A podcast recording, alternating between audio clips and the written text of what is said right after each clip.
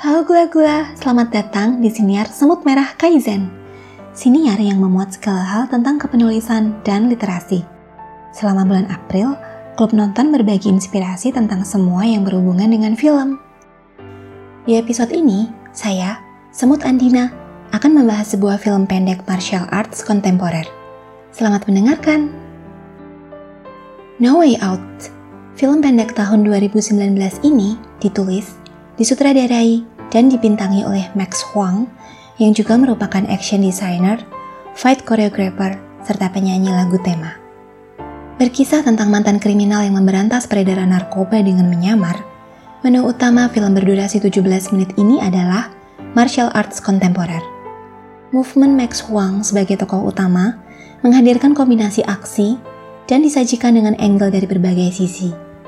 Presisi dan akurasi tendangan vertikal, berbalik di udara sembari melompati meja, hingga yang paling membuat napas tertahan adalah saat dilakukan 360 derajat circular motion, loncatan melayang vertikal ke belakang, lalu menendang di antara menit ke-11 dan ke-12 film. Meski dipenuhi adegan laga, ditonjolkan pula sisi humanis lain, seperti kerinduan pada keluarga, kelembutan pada anak kecil yang diselamatkan, kompleksitas ekspresi saat tersudut, dan mimik waspada atau terkejut.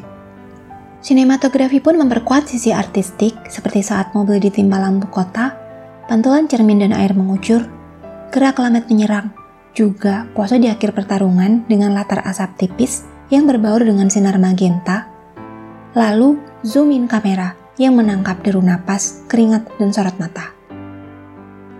Layak memang kalau pada Fighting Spirit Film Festival 2019 di Jerman No Way Out menerima penghargaan atas kategori Best Short Film, Best Action Choreography, dan Best Actor untuk Max Wang. Kita cukup meluncur ke akun YouTube Max Wang untuk menyaksikan film ini. Demikian episode siniar kali ini bersama saya, Semut Andina. Sampai jumpa dalam inspirasi klub nonton esok hari. Salam literasi.